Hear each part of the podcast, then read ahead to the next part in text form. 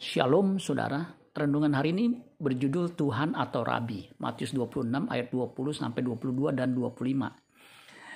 Setelah hari malam, Yesus duduk makan bersama-sama dengan kedua belas murid itu dan ketika mereka sedang makan, ia berkata, Aku berkata kepadamu, sesungguhnya seorang di antara kamu akan menyerahkan aku. Dan dengan hati yang sangat sedih, berkatalah mereka seorang demi seorang kepadanya, Bukan aku ya Tuhan, ayat 25, Yudas yang hendak menyerahkan dia itu menjawab katanya, Bukan aku ya Rabi, kata Yesus kepadanya, engkau telah mengatakannya.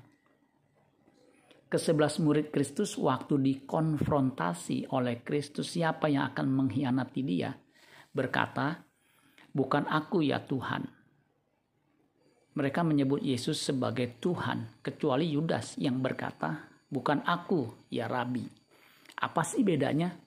Sangat berbeda implikasi dari pengakuan Yesus sebagai Tuhan dan sebagai guru. Jika orang hanya mengakui Yesus sebagai guru agung yang mengajarkan tentang moral, belum tentu tertuntut menjadi orang yang bermoral baik seperti Kristus. Tetapi jika seorang murid Kristus mengakui Yesus sebagai Tuhan atau kurios yang artinya tuan, maka ia harus menempatkan dirinya sebagai hamba di hadapannya. Seorang hamba hanya punya satu ambisi dan obsesi, yaitu bagaimana ia bisa menyenangkan tuannya. Ia akan melakukan apa pun yang tuannya perintahkan.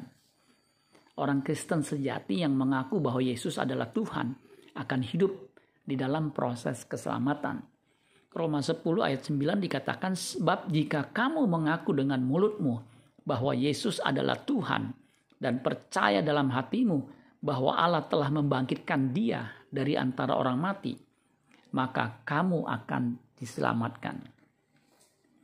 Hidup dalam proses keselamatan artinya ia harus bersedia dikembalikan kepada rancangan Allah yang semula, yaitu segambar dan serupa dengan Kristus. Inilah yang berkenan kepada Allah Bapa di sorga.